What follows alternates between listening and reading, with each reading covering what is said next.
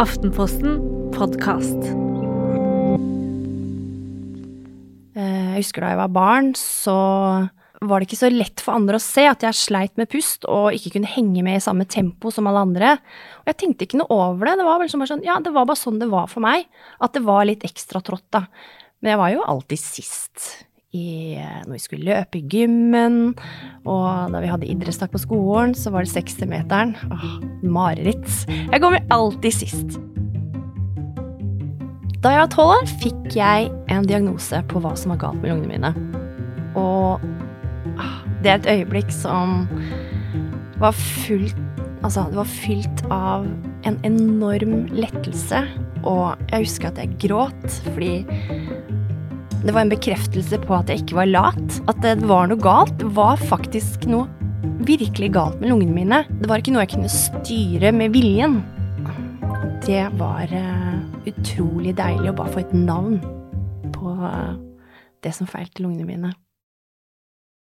Det å få diagnose, det innebar jo også at uh, det ville bli for, gjort forsøk på behandling. Så jeg fikk jo kortison i det håp om at det skulle brenne ut sykdommen som herjet i lungene mine. Uh, og bivirkningene av, bivirkningene av kortison er jo at man kan bli veldig deprimert. Dessverre så skjønte jeg ikke at det var det som skjedde, for da kunne jeg kanskje bedt om hjelp, men jeg var bare ikke meg selv. Og det er vanskelig å si om det var det hormonelle som skjedde i kroppen, for da var jeg jo begynt, pubertet, altså begynt på puberteten.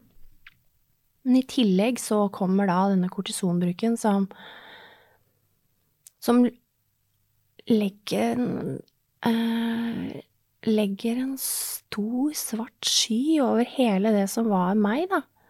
På alle måter, ikke bare fysisk, men psykisk. Det var jo ikke før jeg ble eh, voksen at jeg skjønte at det var det som hadde skjedd, at jeg var dypt deprimert. Jeg ville jo bare dø. Det var ikke sånn at jeg gikk aktivt inn for det, men det var, jeg, det var følelsen som kroppen min var tatt over av noe, noe annet. Jeg husker jo veldig godt eh, eh, da jeg slutta på medisiner. da var jeg faktisk blitt så gammel som 18 år. Og jeg var på interrail med noen venner, og da bestemte jeg for at nå, nå må det være nok. Så jeg kasta alle medisinene på sjøen. det var så deilig! det var en helt fantastisk følelse. Jeg husker det uh, som det var um, uh, Ja, noe uh, jeg vet ikke hva jeg skal kalle det, men jeg, jeg kvitta meg med en byrde. Eller ikke en byrde, men noe som hadde vært med meg så lenge. Som jeg tenkte at nå har jeg fått nok. Nå, nå orker jeg ikke dette her mer. Nå skal, jeg, nå skal jeg leve livet uten disse medisinene, og det kommer til å gå helt fint. Etter noen år så begynte det å skje ting i lungene som jeg ikke hadde, ikke hadde kontroll over. Jeg ble jo så syk at jeg ikke klarte å ta vare på meg selv i hverdagen. Jeg måtte flytte hjem til foreldrene mine og bli tatt vare på av dem. Jeg trengte oksygen 24 timer i døgnet. Jeg hadde en oksygenkonsentrator som jeg var koblet til. Jeg fikk most all mat, for det var slitsomt å tygge. Jeg hostet jo så voldsomt. Det er akkurat som når man faller på halebeinet og mister pusten, eksempel. Så tar det litt tid før du altså, eh, får tilbake pusten. Sånne, sånn var hosten min hver dag i flere omganger. Jeg hostet til jeg ikke hadde mer pust igjen. Etter hvert så ble jeg jo så dårlig at jeg fikk beskjed om at jeg trengte ny lunge for å overleve. Det var jo en brutal beskjed å få. Jeg var ikke forberedt på det. Selv om det hadde vært snakk om det tidligere, så hadde jeg ikke tatt det inn over meg. Jeg var så redd. Jeg var så redd for å gå gjennom lungetransplantasjonen. Jeg hadde lest meg litt opp på det, og etter mine beregninger så kunne jeg kanskje overleve fem år etter lungetransplantasjonen. og det å lese statistikk i en så sårbar situasjon, det er, jo, det er jo ikke lurt i det hele tatt. Så jeg hadde jo da lest det, denne statistikken over overlevelsesrate etter lungetransplantasjon. Og i tillegg så hadde jeg med meg i hodet mitt at denne sykdommen som, eh, som, eh, som herjet i lungene mine, den kunne komme tilbake igjen i de nye lungene. Så hvorfor skulle jeg da gå gjennom en lungetransplantasjon hvis jeg kun fikk noen få år, og i tillegg så skulle jeg bli syk igjen med den sykdommen som jeg hadde i utgangspunktet? Og, og bare tanken på at de skulle skjære meg, altså dele meg opp i to eh, for å grave i kroppen min og ta ut noe og så sette inn noe, bare, bare, bare tanken på det eh, gjorde meg jo redd. Spesielt en gang husker jeg at det var Det var så mørkt at jeg At jeg kjente at jeg fløt liksom, Jeg fløt litt ut av kroppen på en måte, og samtidig som, som jeg ikke følte at jeg var liksom til stede her, så var jeg et sted hvor det var veldig godt å være. Det var Jeg følte at jeg var omslutta av kjærlighet og at hvis jeg hadde sluppet taket, så, så, hadde jeg forsvunnet, og jeg er ganske sikker på at jeg ikke hadde vært her nå hvis jeg hadde sluppet taket. Men jeg kjente så veldig på at jeg, ville være, jeg vil være her. Jeg vet ikke helt, men jeg klarte liksom å holde fast. Og, og holde på håpet, da. Og det tror jeg faktisk um, var et avgjørende øyeblikk for at jeg skulle klare å holde ut og vente på at jeg fikk telefonen. Og det, det har jeg tenkt mye på, at jeg, at jeg kunne ha sluppet taket. Og det er jeg ganske sikker på at resten av kroppen hadde hadde gitt opp også. Jeg tror håp er så viktig at det, det kan holde deg i live gjennom utrolig vanskelige tider. Hvis du har et lite snev av håp om at ting kan bli bedre, at det, at det fins noe der som du kanskje ikke vet om hvordan ser ut eller eh, kommer til å være, så er det noe som kan, som kan holde deg i live. Det var en helt vanlig onsdag da jeg fikk telefon fra Rikshospitalet, og jeg tar telefonen og han sier hei. Og i andre enden så hører jeg da eh, overlegen som sier hei, hei, nå eh, tror jeg vi har funnet nye lunger til deg. Bare kom hit, og så, så tar vi så, så, fikser vi resten. Og så legger jeg på og, og tenker nei, dette her går ikke, jeg, jeg er ikke klar. Og så sitter jeg der og sier eh, Da har moren min kommet til. Sier jeg jeg er ikke klar, jeg er ikke klar. Og så setter hun seg ned foran meg og sier hun, du kommer aldri til å bli klar. Så ankommer vi Rikshospitalet, og der er det helt rolig. Vi sitter på venterommet i fjerde etasje, og vi er en liten gjeng, rett og slett. Med søsteren min og foreldrene mine og noen venninner og sykepleier og Jeg fikk en tablett med noe beroligende og kjenner jo effekten av den. Og vi prater og ler og um, skravler om alt mulig rart. Og jeg forteller sikkert ting som jeg ikke burde, og uh,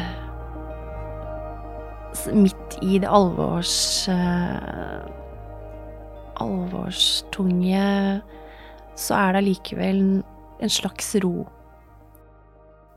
Så kommer øyeblikket da jeg blir hentet av sykepleier for å bli trillet inn på operasjonsbordet.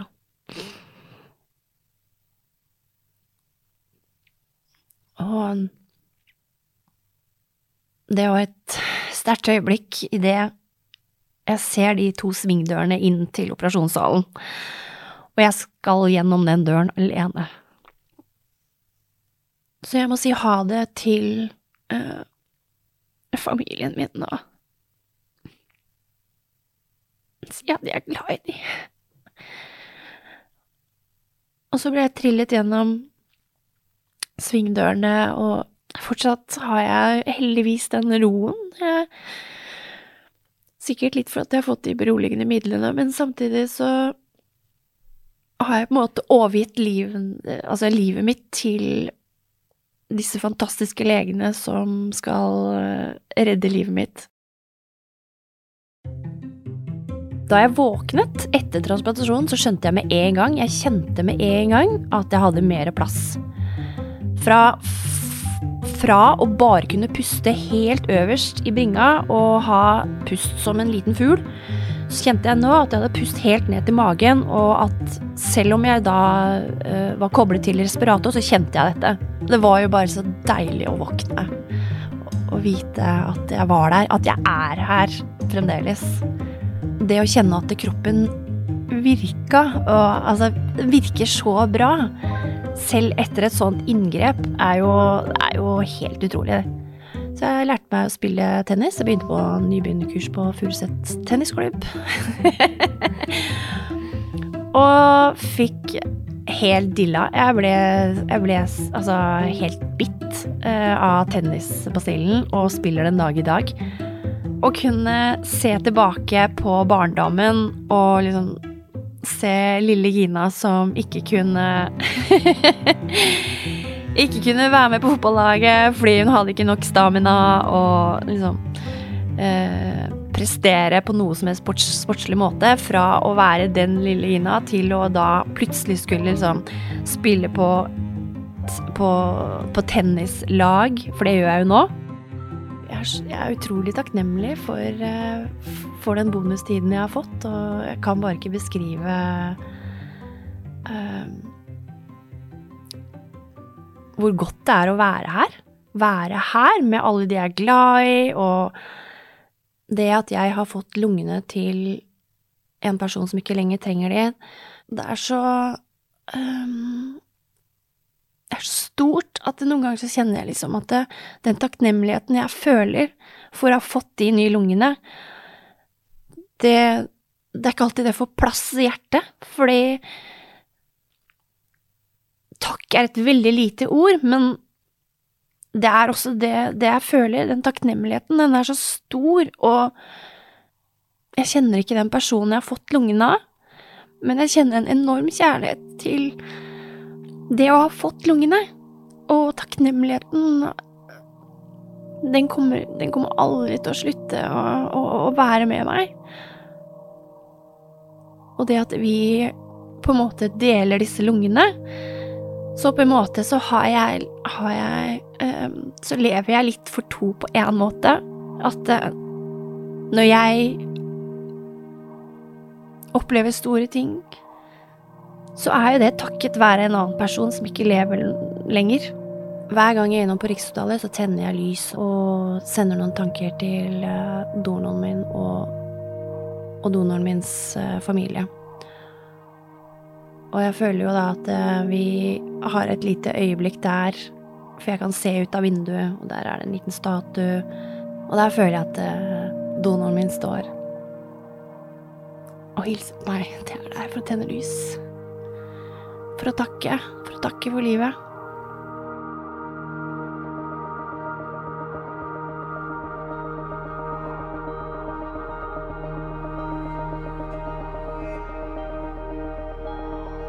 Du har hørt Gina Shan sin historie her i Aftenpostens podkast Folk. Episoden er produsert av meg, Fride Næss Nonstad, og resten av redaksjonen er Bjørn Egil Halvorsen og Karoline Fossland. Følg oss gjerne på Instagram på Folk podkast for å bli bedre kjent med fortellerne. Og har du kanskje en historie eller en tilbakemelding, så vil vi veldig gjerne høre fra deg. Send oss en mail på folkalfakrøllaftenposten.no.